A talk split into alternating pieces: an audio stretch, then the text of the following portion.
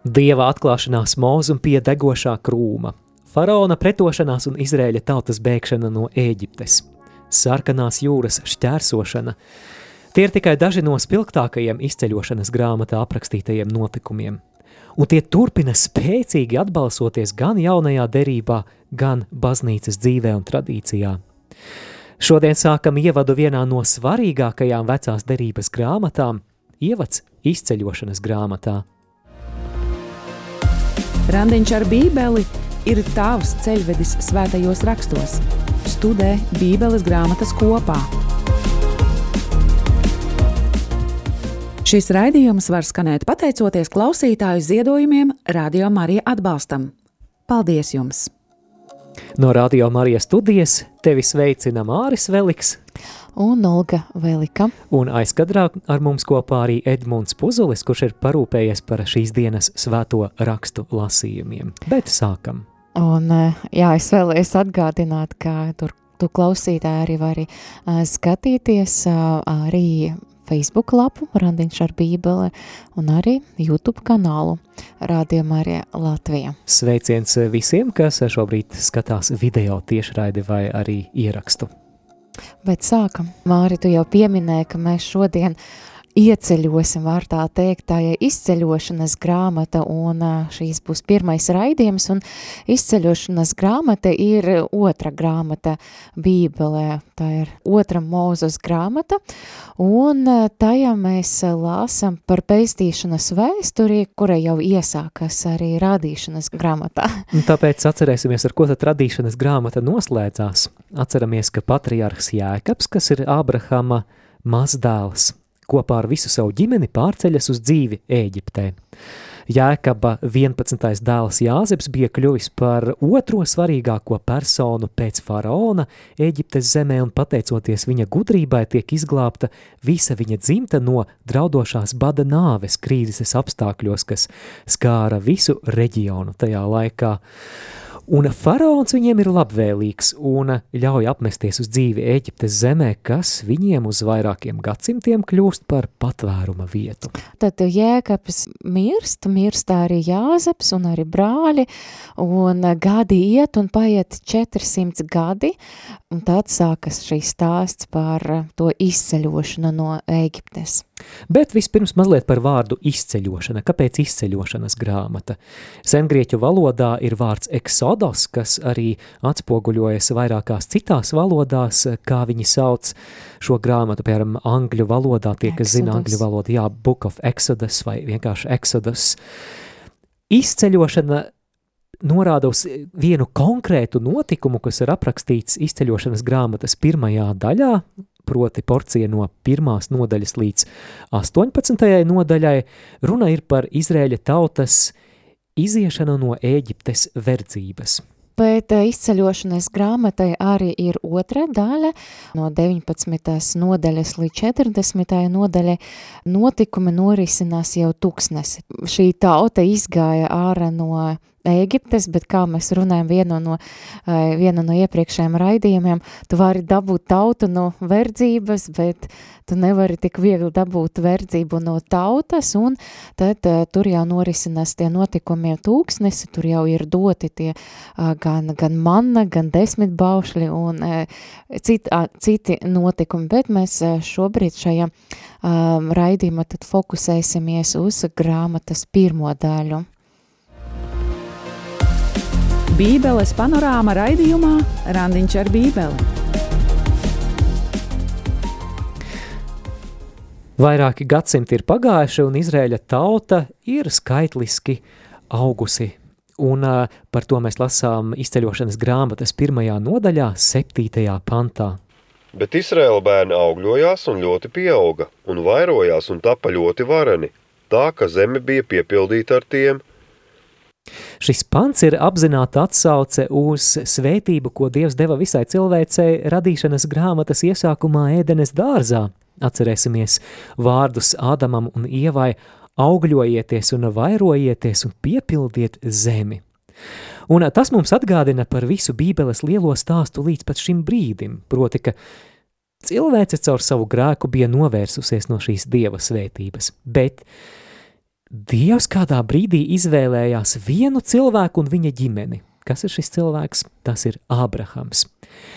Ābrahamam un viņa ģimenei jākļūst par līdzekli, caur kuru Dievs atkal atjaunos savu svētību visai pasaulē.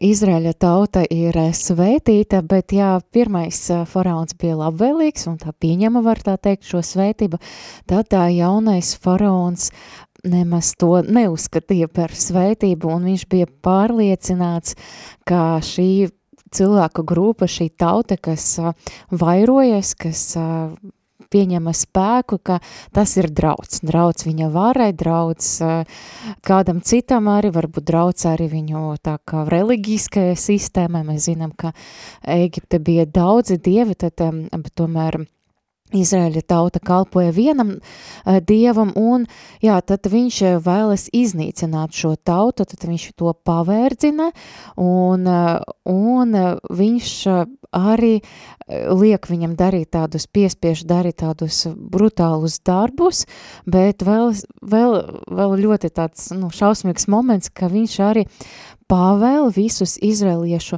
jaundzimušus zainus noslīcināt Nīle, un tāds pirmais var tā teikt, nu, ebreju tautas tāds genocīds, jā. Mēs, protams, varam padomāt arī par šodienas stāvokli, kas norisinās Izrēla, bet jā, tad pirmais tāds genocīds, tāds pirmais visi jaundzimušiem zēniem jā, bija jābūt noslīcinātiem Eģiptes Nilā. Faraons līdz ar to līdz šim bībelē ir visļaunākais bībeles varonis. Vispār Ēģiptes zeme un faraona valstība it kā simbolizē cilvēces sacelšanos pret Dievu. Un atgriezīsimies vēlreiz pie radīšanas stāsta. Labā un ļaunā atzīšanas koks. Tagad faraons ir tik ļoti pārdefinējis to, kas ir labs un ļauns saskaņā ar savām interesēm, ka pat uh, nevainīgu bērniņu noslīcināšana viņiem šķiet laba esam. Un tā nu Ēģipte ir kļuvusi daudz ļaunāka par Bābeli, par ko mēs lasījām radīšanas grāmatā, atceries Bābeles torni. Tad nu ebreji, piedzīvojot apspiešanu, sauc pēc palīdzības, un Dievs ir žēlsirdīgs, Dievs viņu saucienu dzird norisinās kāds notikums un patiesība to ļauno nodomu, ko faraons vēlas eh, darīt pret eh, Izraēļa tautu, Dievs pagrieštu pret faraonu pirmu kārtam, tad kāda ebreju sieviete, ja viņai piedzima uh, dēls, Mūzus, un viņai, viņa sākumā slēp viņu tur vairākus mēnešus, un pēc tam viņa palaiž to savu bērnu Oza pa Nīlu, un uh, Tad groziņš ar mazuli atpēl tieši pie faraona meitas kājām, un tad viņa jau, kura bija aizgājusi uz upi peldēties, un viņa ieraugo šo bērnu, viņa iežēlojas, un viņa paņem viņu savā uh, pie sevis un audzina kā savu dēlu, tad faraona galma, un uh, jā, tad viņa vārds ir Mūzus, un viņš izaugs par cilvēku, ko Dievs arī izmantos, lai, lai satriektu faraona varus, to satriektu viņa viņa nežēlību, lai arī atbrīvotu, atbrīvotu uh, ebreju tautu no šīs vērdzības. Un man šķiet arī interesants fakts, jā, ka Mūzus nebija izaudzis tajā vērdzībā. Man šķiet arī Dievs kaut kā varbūt uh, pasargāja viņu kaut kā arī no tas verdzības mentalitātes. Nu, tas ir mans tāds privātais viedoklis, jā, ka viņš neizauga verdzība, līdz ar to viņam arī mēs redzēsim tālāk nebūs tā Jā. kurnēšana tāda pret Dievu, kā bija arī pārējai tautai. Viņš saprot, ko nozīmē būt brīvam, bet šo aicinājumu darīt brīvu Izrēļa tautu no Eģiptes verdzības viņš saņem slavenajā stāstā par degošo krūmu. Izceļošanas grāmatas trešajā nodaļā. Vispirms šajā degošajā krūmā, šajā mistiskajā parādībā Dievs mūzum atklājas kā viņa tēvu tēvu, proti patriārhu Ābrahama, Īzaka un Jēkaba dievs. Un mūzum dievs uztic īpašu misiju doties pie faraona un pavēlēt viņam atlaist izrēliešus. Trešā nodaļa lasām no devītā panta. Un redz, Izraēla bērnu brēkšana ir nākusi manā priekšā, un es esmu redzējis tos spaidus, ar kādiem eģiptieši viņus apspiež.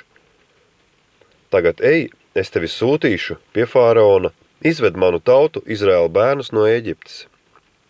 Tie, kas lasīs arī šo grāmatu, jūs domājat, jūs pamanīsiet eh, daudzus, daudzus, daudzas nianses, jā, kā Mo, Mūzus šaubas par sevi, ka viņš nemāk runāt un ka Dievs mēģina viņu tad arī pārliecināt, bet tā, tās arī jūsu tad tā privātēma randiņam ar bībeli atstāsim, un eh, jo daudz man šķiet arī interesantu tā, tādu elementu arī tā, ka Dievs aicina Mūzu, bet jā, šis ir tāds moments, kad Mūzus satiekas ar Dievu, viņš saņem nevienu savu aicinājumu, bet arī svarīgi, ka Dievs mūzum atklāja savu vārdu. Pirmkārtam Dievs sāka, ka esmu tad um, Abrahama, Īzaka un Jēkaba Dievs, bet arī uh, viņš pasaka, ka viņš šeit ir. Lāsam tālāk. Dievs sacīja uz mūzu, es esmu, kas es esmu. Viņš sacīja, tā tev jārunā ar Izraēla bērniem. Es esmu, tas mani sūtīs pie jums. Jā, tad Dievs atklāja savu vārdu, es esmu, kas es esmu. Interesanti arī, man liekas, Jāņa evangēlija, arī Jēzus arī norāda to, ka es esmu, jā. Un, jā, interesanti, ka vārdu Bībele nozīmē arī uzzināt, saprast to cilvēka būtību un dabu. Tas ir tik svarīgs cilvēka tāds dzīves sastāvdaļa, piemēram, mēs redzam, ka Dievs arī dot jaunu vārdu Ābramam, Abrahams, un arī redzam, ka Jēzus dot vārdu jaunu sīmenim, Pēteris. Un ko tad nozīmē es esmu, kas es esmu? Ir vairāki skaidrojumi, kas viens otru papildina. Pirmkārt, Dievs ir tas, kurš ir, jeb esošais pretstatā tiem, kā nav, Un runa šeit ir par pagānu dievībām, kaut vai par tiem pašiem eģiptiešu dieviem. Tātad pretstatā pagānu dievībām Dievs ir vienīgais, kurš patiešām ir. Jā, mēs lasām arī psalmā, jā, ka citi dievi ir mēmi, akli, mēmi, nerunā, akli nerunā, palīdzēt. Jā, bet Dievs ir tas, kas ir. Otrakārt, un varbūt vēl būtiskāk, vārds es esmu izsaka to, ka Dievam nav vajadzīgs nekas cits ārpus viņa paša, lai Dievs pastāvētu. Tātad mēs filozofiski varētu teikt, ka viņa eksistence nebalstās uz kādu citu cēloni. Un galu galā Dievs pats ir visas esamības avots. Viņš ir tas, kas visu izsauc no nebūtības esamībā. Mm, ļoti skaisti. Jā, Dievs aicina, aicina mūzu un atklāja viņam savu vārdu, savu būtību, kas viņš ir, bet viņš arī piebilst, ka uh, faraons pretosies mūzu. Jā, tad uh, tad Dievs aicina mūzu uh, izvest, bet nu, viņš arī parāda to, ka tā nebūs tāda viegla cīņa. Dažreiz mums šķiet, mums Dievs varbūt aicina kāda lieta aicinājuma, mums šķiet, ka tas būs viegli, ja? un kad ir kādas grūtības, mums šķiet, ka varbūt Dievs mums nemaz ne, nav aicinājis, bet tāda lieta, ka Dievs nevienmēr aicina uz tādam vieglam lietam, un Dievs arī brīdina, mūzu, ka, ka faraons pretosies, un tāpēc viņš arī spriedis tiesu par Ēģipti uh, caur mocībām, kas tika uzsūtītas uh, zemē. Un arī seko interesanti tādi vārdi, ka Dievs nocietinās faraona sirdi. Un patiesībā, nu, Ko tas varētu nozīmēt? Dievs nocietinās faraona sirdi. No citas vietas Bībele mēs eh, lasām, piemēram, nenocietiniet savas sirdis, ka jūs dzirdat Dieva balsi, bet ko tad šeit tās nozīmē, ka Dievs nocietinās? Par to mēs parunāsim pēc pavisam īsa brīža. Randiņš ar bībeli. Studijā Māris un Olga Veliki.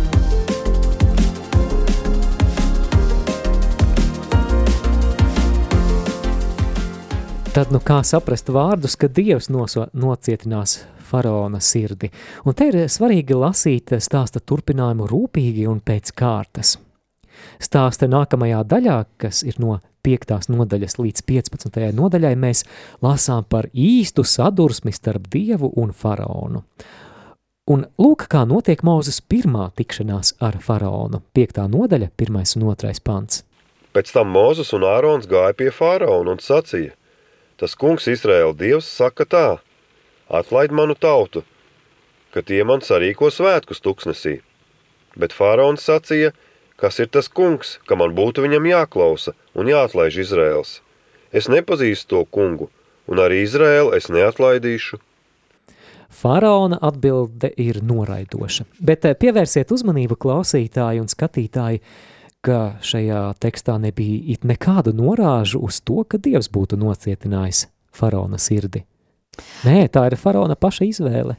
Jā, tad nu Dievs arī uh, dod tādu atbildi, viņš sūta pirmas piecas mocības, un ikreiz Mūzes nāk arī pie faraona un piedāvā iespēju kļūt pazemīgam un atlaist Izraēļa tautu, un, bet uh, pē, tomēr pēc katras sodības mēs uzzinām, ka nu, faraons nocietināja sirdi, kā arī viņa sirds kļuva cieta, un kā tā ir viņa paša izvēle. Un tikai nākamajās piecās mocībās, un kopumā tādu ir desmit, mēs jau lasām, ka Dievs nocietināja faraona sirdi. Šī stāsta būtība ir šāda, ka, lai arī Dievs zināja, ka faraons pretosies viņa gribai, viņš tik un tā deva faraonam vairākas iespējas izvēlēties labu. Un tomēr kādā brīdī faraona ļaunums jau sasniedz tādu punktu, no kura vairs nav nekāda atpakaļceļa. Un pat faraona padomnieki uzskata, ka faraons ir zaudējis prātu. Un šajā brīdī Dievs ņem šo faraona ļaunumu un pavērš to tā, lai tas sekmētu Dieva plānu piepildīšanos, kā mēs to redzēsim. Jā, Dievs, Dievs to pieļauj, bet man šķiet arī, es nedaudz arī gatavojoties raidījumam, arī saredzēju arī kādu līdzību ar kādu uh, kaimiņu valsti, par ar kādu līderi, kas arī pretī kādam veseliem saprātām.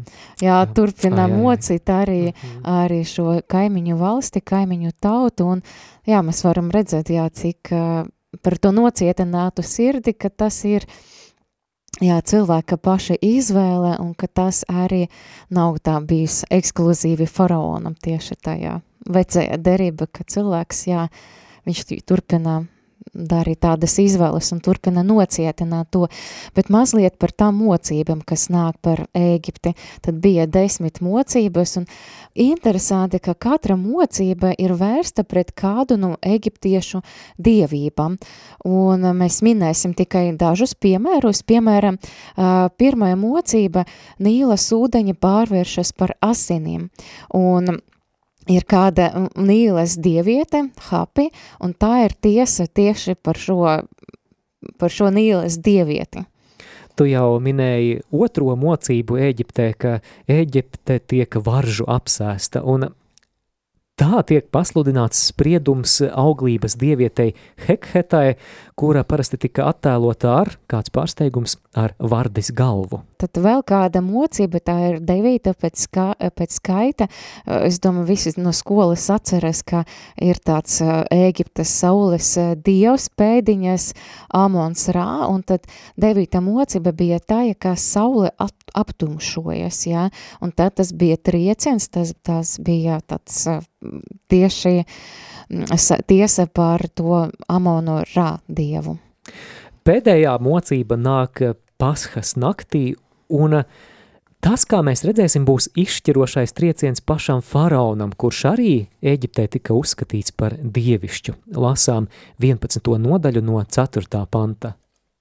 Un Mozus sacīja, tā ir sacījis tas kungs, ap pusnakties apstaigāšu Eģipti un mirs ik viens pirmdzimtais Eģiptes zemē no fāraona, kas sēž uz sava troņa pirmdzimtā, līdz kalponis, kas aiz maltuves pirmdzimtajam, un visu lielopu pirmajie, un būs liela brēkšana Eģiptes zemē, kāda līdz šim nav bijusi, un turpmāk nebūs. Jā, gluži kā faraons nogalināja izrēliešu dēlus, tā Dievs tagad nogalina eģiptiešu pirmdzimto šajā pēdējā mocībā. Bet, atšķirībā no faraona, kurš ir patiešām nežēlīgs, Dievs dot iespēju no šī posta izvairīties, un tam ir jānotiek, kā mēs lasīsim, caur jēra asinīm. Un tad nu šeit, 12. nodaļā, izceļošanas grāmatā stāsts uz kādu brīdi it kā tiek iepauzēts, un mēs detalizēti tiekam iepazīstināti ar ikgadējo izrēliešu paschas svinību kārtību. Jā, naktī pirms e, izrēlieši atstāja Ēģipti, tad viņi upurēja jaunu nevainojamu jēru un apziedza ar viņa asinīm savu nām, nāmu durvju palodas. Un asinis, lai ir jūsu glābšanas zīme tajos namos, kuros jūs mītat, kur es redzēšu asinis, es iešu jums garām, un pār jums nenāks tas sots, kas nomaitā, kad es sitīšu Eģiptes zemi. Jā, ka tā pēdējā desmitā mocība nāca par Ēģipti, tās mājas, kuras bija apslācītas ar, ar jēra asinim, tika pasargātas, lai pirmdzimtais paliktu dzīvs.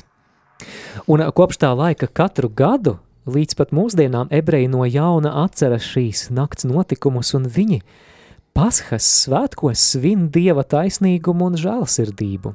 Šī diena, lai ir jums piemiņas diena – To svinēt kā svētkus tam kungam, tas, lai jums ir par mūžīgu likumu, uz auģu audzēm. Un faraons savas lepnības un pretestības dievam dēļ zaudē savu pirmdzimto dēlu. Un beidzot tas nu ir pēdējais piliens. Faraons galu galā pēc desmit mocībām ir pārliecinājies, ka Izrēļa tauta tomēr ir jālaiž vaļā. Nu tā izrēliešiem izceļo no Ēģiptes un uh, Bet, nu, kas arī interesanti, ka faraons nekur nepazūd. Viņš ierauga, ka viņi e, izceļoja un viņam laikam palika žēl un drīz vien pēc izceļošanas viņš tomēr mainīja savas domas, viņš negrib viņus laist un tad viņš sapulca savu armiju un dzenas viņam pakaļ. Un viņš aizjūdza savus ratus un ņēma savus ļaudis līdzi. Viņš ņēma 600 izlasītu kara ratu un citus eģiptiešu ratus un virsniekus pāri visiem tiem, un tas kungs nocietināja faraona Eģiptes ķēniņa sirdi, ka tas dzinās Izraēla bērniem pakaļ.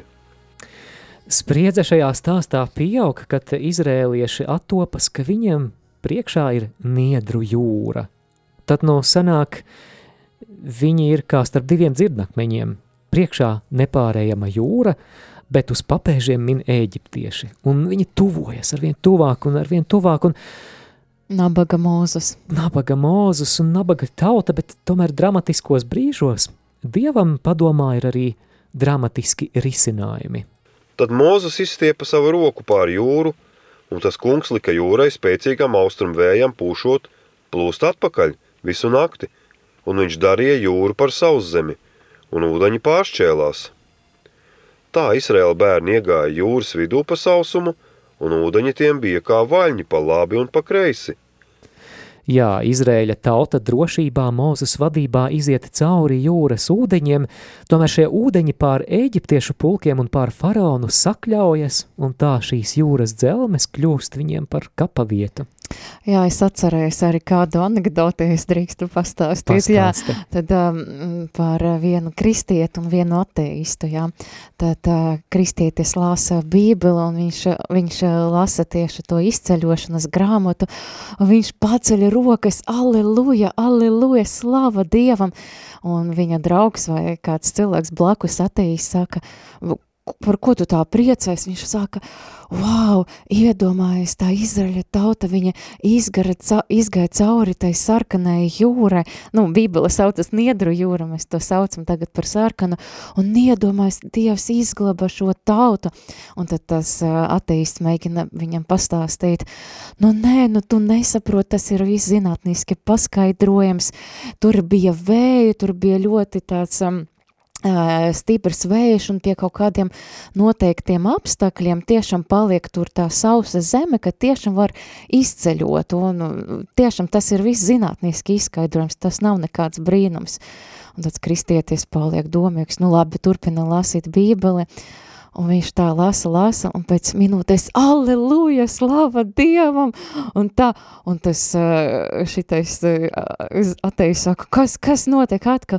Iedomājies, pie tādas situācijas Dievs tomēr izdara tā, ka eģiptieši noslīgs pie tās tā, dažos tā, centimetros, dažos ūdens. centimetros no ūdens, un jā, tāda, tāda neliela līriska atkāpa, jā, tiešām tāds uh, lielas brīnums, ko ebreju tauta joprojām piemin, un jā, tad šīs izceļošanas stāsts tad noslēdzas ar to, ar tādu pirmo slavēšanas eh, dziesmu bībeli, to mēs arī eh, saukt arī par jūras dziesmu vai mūzes dziesmu, uh, Un tas pēdējā rindiņa skan šādi, kungs būs valdnieks vienmēr un mūžam, un dziesma stāsta par to, ka Dieva misija ir vērsties, vērsties pret ļaunumu pasauli un atbrīvot tos, kuri ir ļaunuma verdzība, un Dievs tad ievede savu tautu apsolītajā zeme, kura viņa klātbūtne mājos viņu vīdu mūžīgi.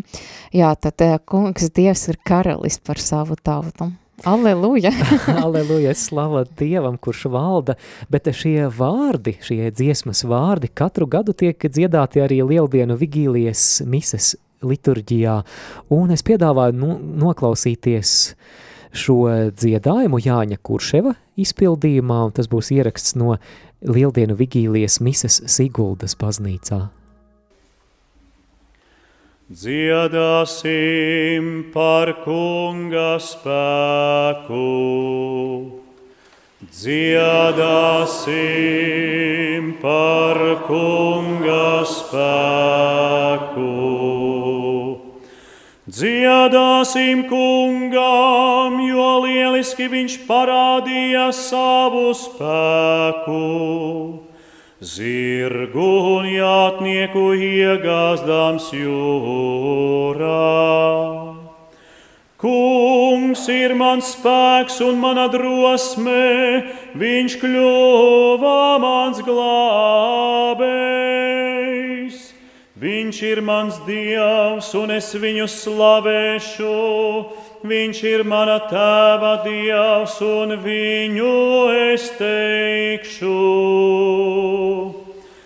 Dziedāsim par kunga spēku. Kungs ir kā varens karavīrs, Jahve ir viņa vārds. Faraona kaujas ratus un viņa karapulku viņš iegāza jūrā. Viņa izlases vīri nogrima sarkanajā jūrā.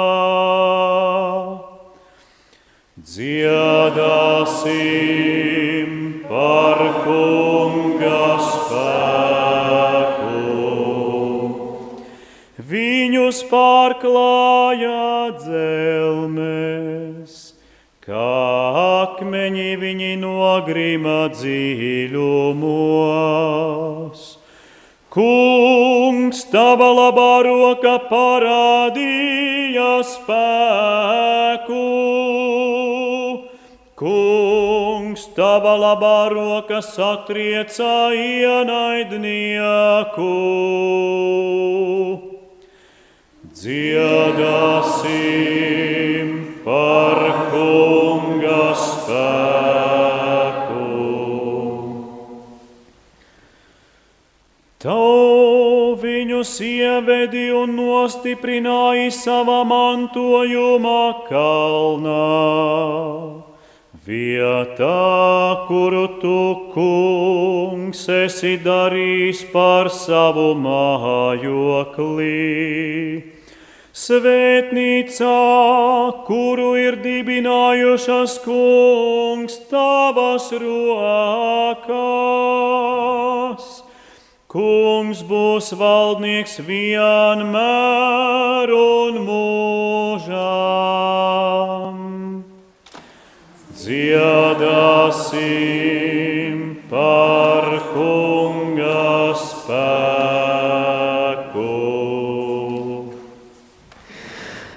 Joprojām studijā mēs, Māris Veliks. Un Olga Velika. Turpinām studēt izceļošanas grāmatas pirmo daļu. Un, kad šī slavas dziesma šķērsojot Niedru jūru ir izdziedāta, seko jauns pavērsiens. Izrēļa tauta tagad soļo cauri tuksnesim uz Sinaja kalnu. Viņi ir noguruši, viņi ir izsalkuši un izslāpuši. Un kā cilvēks parasti jūtas, kas ar cilvēku notiek? Svētceļojumā trešajā dienā. Kurnis. Kurnis. Kurnēt gribās ļoti. ir ieslēdzis, ieslēdzies bēdīgi slavenais kurnēšanas režīms. Jā, viņi saka kritizēt mūzu un pat Dievu par to, uh, par to, ka viņus izglāba izvēta no verdzības, un viņi ilgojas pēc vecajiem laikiem Ēģipte, kad viņa bija verdzība, viņa bija apspiesti, un mēs varam iedomāties, ka, nu, tik ļoti apspiesti viņam bija arī jānoslīcina savi bērni uh, upe, bet kaut kas trāks viņā arī tur dažos arī, dažas vietas arī bībele rakstīts, ka ilgojas pēc sīpoliem un puraviem, nu, tas ir kaut kas trāks, uh, Un, bet eh, Dievs arī savā labestībā arī nodrošina viņam gan, gan dzērienu, gan ēdienu. Un tomēr šī tautas kurnēšana jau ceļojuma sākumā liek jautāt, vai gadījumā viņu sirdis arī nav nocietinātas gluži kā faraona sirds, bet par to turpmākajos raidījumos. Galvenās tēmas Ir kāds eh, svarīgs pavadiens, kas vies cauri visai izceļošanas grāmatai, un ko mūsdienu lasītājs netik viegli pamana. Un eh, šī tēma ir kalpošana dievam.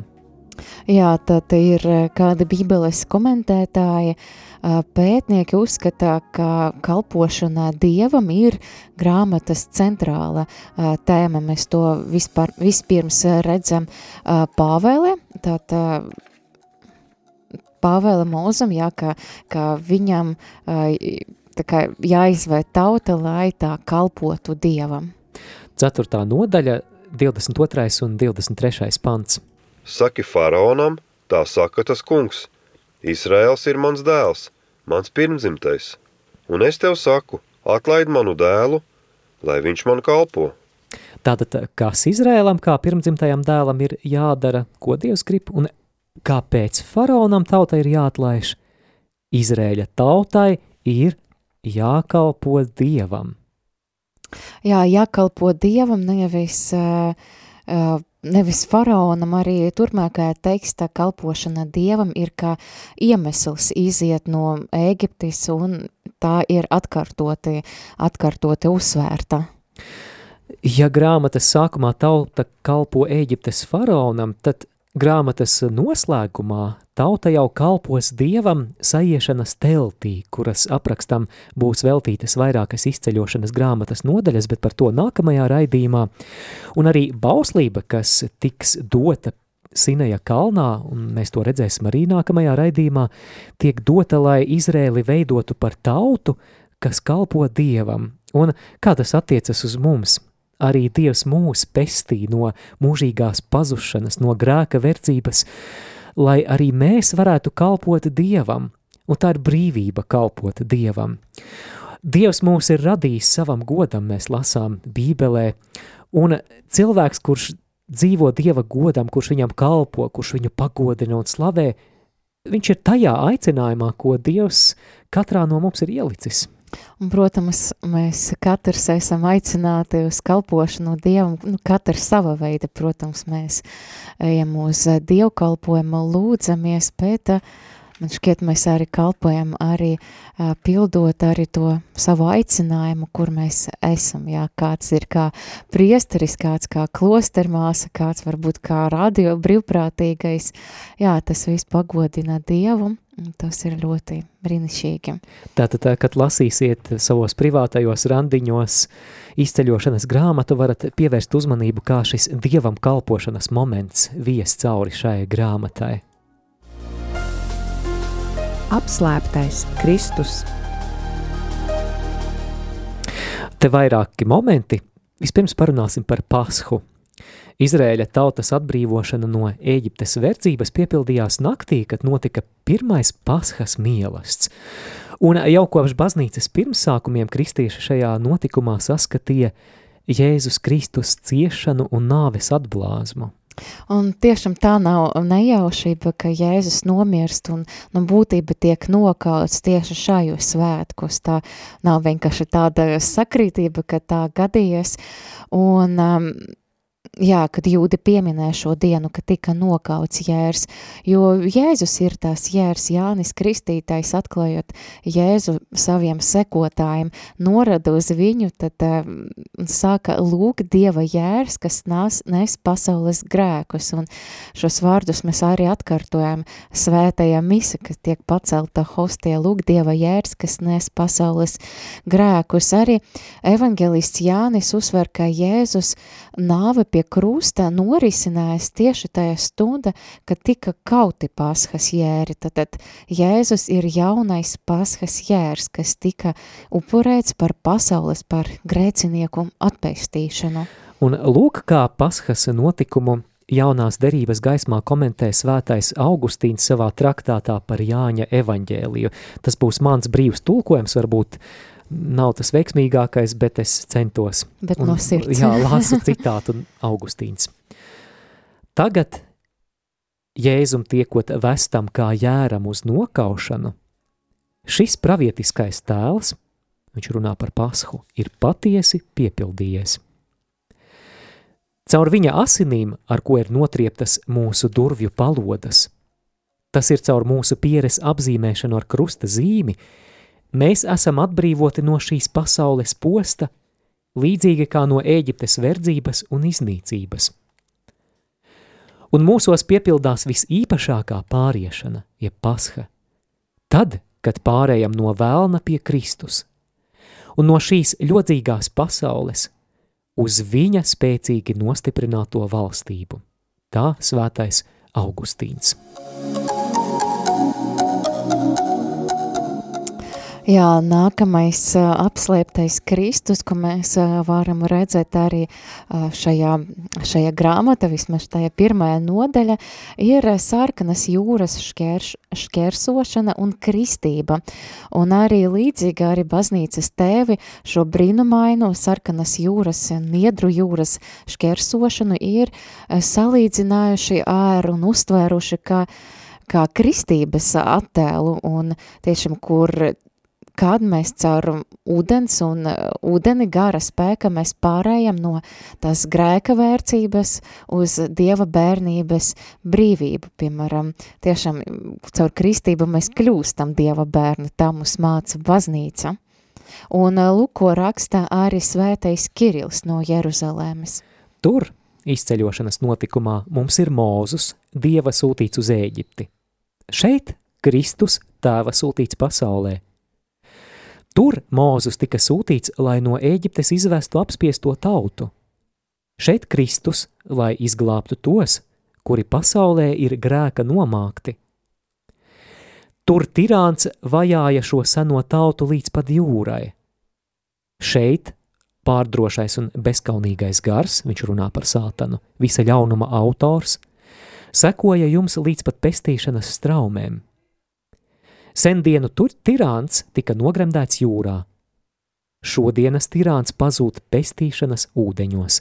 Fragments no Svētā Kirila no Jeruzalemes piecām katehētiskajām lekcijām.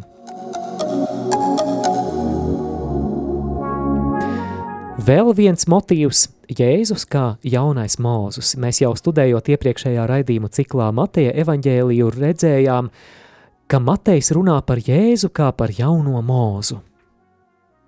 Un uh, tur ir uh, vairākas paralēles. Jā, daudzas paralēles. Un, uh, jā, pirmā tāda paralēle, uh, mēs atceramies, jā, kad Jēzus arī piedzimst, uh, viņš, kad vēl bija bērniņš, kā arī uh, tad, uh, Herods grib nogalināt bērniņus, un mēs redzam, ka situācija ir līdzīga. Gan Mūzus, gan Jēzus, būdami vēl bērni, tiek pasargāti un eh, no tādam, no abiem nežēlīgiem tirāniem, un abi izaugt, izaug eh, Ēģipti, un arī vēl kāda līdzība, jā, tad Mūzus viņam bija 40 gadi, un tad viņš aizbēg no faraona uz 40 gadiem, un 40 gadus viņš atrodas tūkstnesi. Jēzus savukārt 40 dienas arī atrodas tūkstnesi, kur viņš bija arī e, pēc tam vēl nekārtināts. Un visbeidzot, gluži kā Mūzus izved tautu no Ēģiptes verdzības, Jēzus kā jaunais Mūzus izved cilvēci no grēka verdzības. Arī, bet man šķiet, tas jau ir par eh, grāmatas eh, nākamo otru daļu par, par baušļiem. Jā, tad Mūzus dot baušļus, ko saņem no Dieva, bet jā, Jēzus dot eh, debesu valstību bauslības, kas piepildā arī vecas derības baušļus. To var redzēt arī Kalnas predikiem.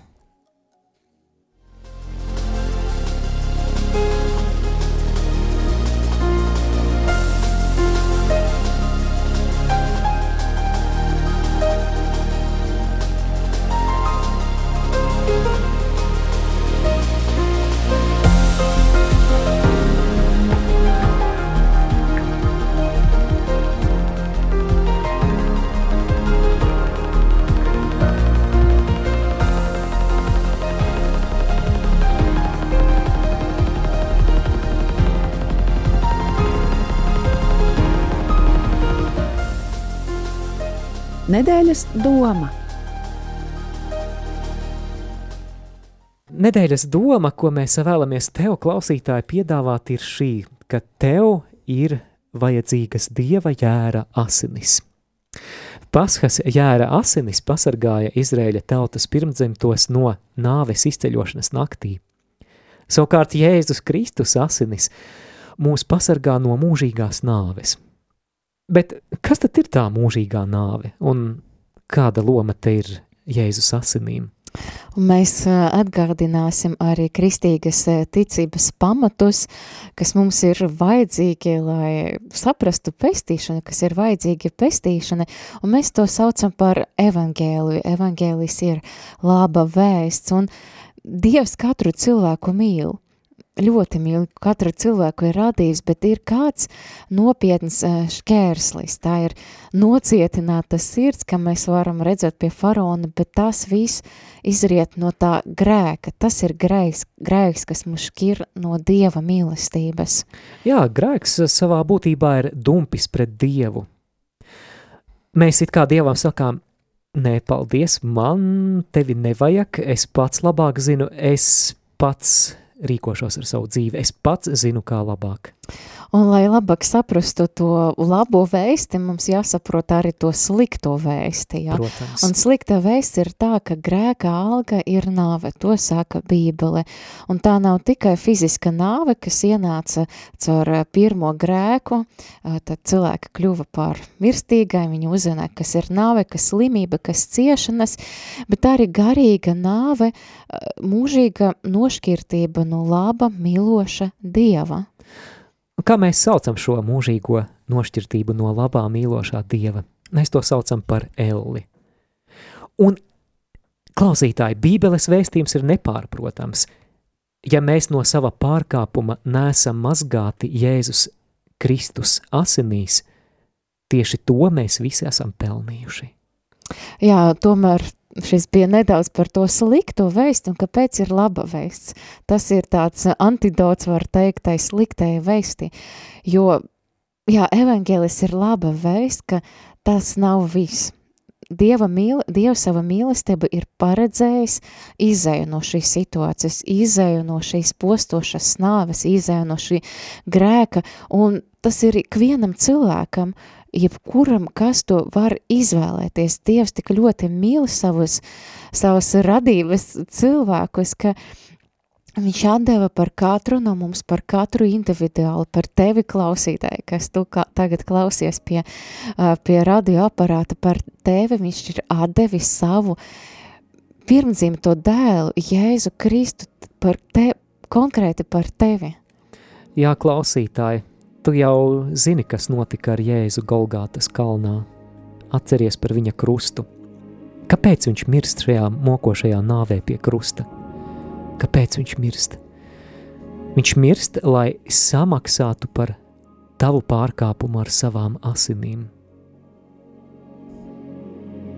Jā, un mēs uh, lasījām arī uh, par veco derību, jā, mēs lasījām par to jēru, kas tika nokauts, ar viņa asinam tiek um, apzīmētas durvis, un uh, arī vēlāk, tā, uh, vecēja derība, lai cilvēki, lai atbrīvotos no grēka, viņi izvēlēs kādu dzīvnieku, visbiežāk jēru, nevainīgo jēru, un viņa lika savas rokas viņam, un tāda veida arī parādot, ka, jā, ka lai tas grēks pariet uz viņu, bet lai tas, tas jērs tiku, tiktu nokauts, parādot to, ka tiešām esmu vainīgs, ar mani bija jānotiek tās, tā, tā kā ar, arī ar šo jēru, kas tika nokauts, jo grēks ir tik smags, grēks ir tik smaga noziedzība Dieva priekšā. Tomēr šī jēru nokaušana vecajā derībā bija tikai priekštēls tam lielajam upurim, ko cilvēku glābšanai pienesīs pats Dievs.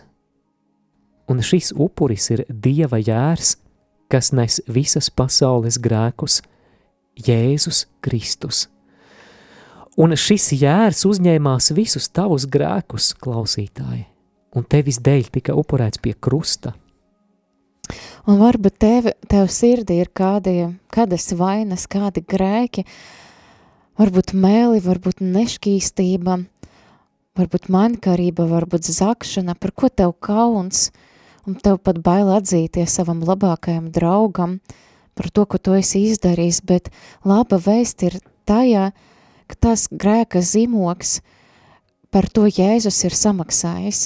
Jēzus ir atnācis, lai tiešām mirtu par, tā, par tevi, lai paņemtu nost šo grēka zīmogu, un um, nav tāda grēka, par ko Jēzus nebūtu mīris, un viņš mīris par to, lai tu būtu brīvs, no vainas sajūtas par šo grēku, no tā zīmoga par šo grēku, lai tu būtu brīvs un arī attaisnots Dieva priekšā, lai sprieduma vieta par to, ka tu esi vainīgs, lai tev būtu spriedums, ka tu esi piedots un tu esi pilnīgi brīvs. Tātad tev ir vajadzīgas Dieva jēra asinis, mūsu šīs nedēļas doma, bet ko tad Jēzus nāve tev paver, kādas iespējas? mēs minēsim trīs svarīgas lietas. Pirmā, tu klausītāji vari saņemt pilnīgu, pilnīgu, pilnīgu, pilnīgu grēku piedošanu. Lai arī cik smags būtu bijis tavs grēks, tev tiek dota iespēja būt pilnīgi tīram, brīvam, attaisnotam Dieva priekšā. Dievs tev vairs neieskaita, nepieskaita to, kas ir bijis. Tev vairs nav jānes tumšā pagātnes nasta. Jā, tev nav jānes arī kāda vainas apziņa par to, tev nav jānes arī tas, ka tu esi grēks, tu esi, Dievs dzēš to vienādojuma zīmi starp tevi un grēku, un Dievs paņem to no tevis, un otrkārt arī tas, ka tev dota mužīga dzīve kopā ar Dievu, jo mēs dzīvojam šeit, un bet kādu brīdi, kāda mirkli mūsu dzīve aprausies, Un mēs tiešām neviens nevaram zināt, kad tas būs, un bieži vien pasauli cilvēki neaizdomājas par to, ka, ko viņi, kas viņu sagaidīs mūžība, bet tu klausītāji, ja tu esi kopā ar Dievu, tad, um, ja tu izvēles Jēzu par kungu, ja tu izvēles, ja Jēzus mazga tavas, tavus grēkus, tad uh, tev būs tā vieta debesīs, kopā ar Dievu. Un visbeidzot, trešā lieta – Dievs tevi pieņem kā savu mīļoto bērnu. Redzi, cik viņš ir labs un žēlsirdīgs un mīlošs, ka viņš ne tikai piedod tavus grēkus un pasludina, ka tu neesi vainīgs vairs, bet viņš vēl vairāk, viņš tevi pieņem savā ģimenē kā savu mīļoto bērnu. Un tāpēc jau šeit virs zemes tu vari dzīvot piepildītu, jēgpilnu, nevis tukšu dzīvi. Nē, tā nebūs viegla dzīve, Dievs nav apsolījis mūs atbrīvot no visām problēmām un pārbaudījumiem, bet tu vari dzīvot piepildītu, jēgpilnu dzīvi kā Dieva bērns, un tas ir tā vērts. Un pats galvenais, jā, ka Dievs tu mums dāvā par brīvu, tev, tu patiesībā neko nevari izdarīt, lai, lai saņemtu tādu pestīšanu, tā ir dāvana, kas nāk no Dieva, tas viss ir par brīvu, tev tikai šī iespēja, ko Dievs tev dāva, jāpieņem. Un tagad atgriezīsimies pie līdzības ar Pasхas nakti. Un es varētu tev jautāt, klausītāji, vai tavu durvju palodas ir apzīmētas ar Kristus asinīm.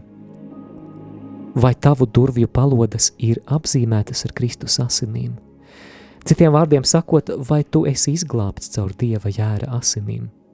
Jo, ja nē, tava dvēsele ir ļoti nopietnās briesmās. Tev ir vajadzīgas Dieva jēra asinis. Vēlreiz, vai tavu durvju palodas ir apzīmētas ar Kristus asinīm? Jā, un varbūt kāds jau ir bijis kristietis vai katolis vai kāds arī brālis, māsa Kristu no citām konfesijām. Varbūt tu esi attālinājies no Dieva un tu jūti, ka pamazam, pamazam tava sirds nocietinājas.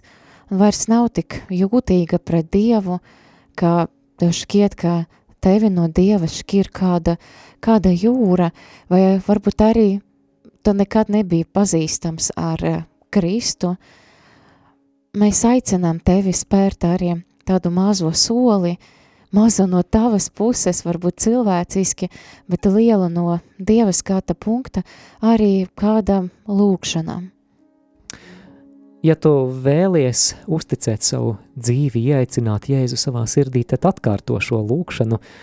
Es lūkšos, Olga atkārtos to atkārto kopā ar viņu, Bet, uh, lai tie nav tikai formāli vārdi, ja, ja tu vari, tad izsaki to no sirds, izsakot savu vēlmi, ka jā, Jēzu, es gribu, lai manas dzīves durvis ir apzīmētas ar Dieva jēra asinīm.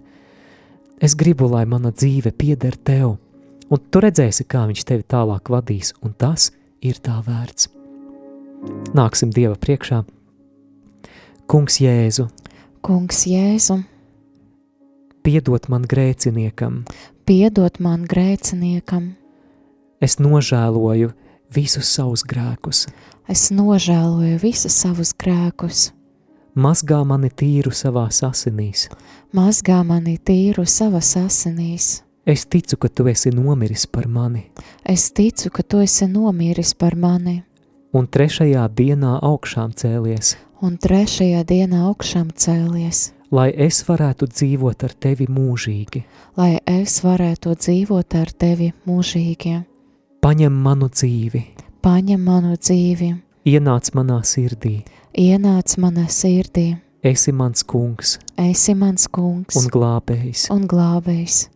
Ļauj man piedzīvot dieva mīlestību, Ļauj man piedzīvot Dieva mīlestību, lai tā mani dziedina, lai tā mani dziedina, pārveido pārveido un atbrīvo. un atbrīvo. Paldies, Tev, Kungs! Paldies, Tev, Kungs!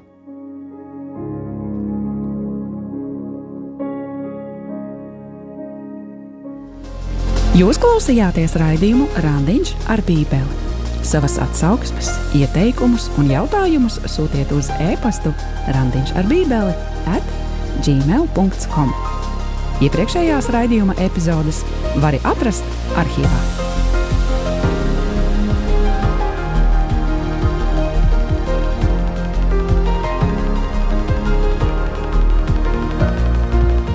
Raidījums varēja izskanēt pateicoties klausītāju ziedojumiem, Radio Mārija atbalstam. Paldies jums! Lai gan Rādio Marija Latvijas saturs klausītājiem ir pilnīgi par brīvu, radio uzturēšana ikdienā nevar būt bez maksas. Klausītāju brīvprātīgie ziedojumi ir vienīgā iespēja, kā sekt ikmēneša radio uzturēšanas izdevumus. Arī tu vari kļūt par atbalstītāju un ar savu ziedojumu piedalīties šajā evanģelizācijas misijā. Lai Dievs tevi svētī!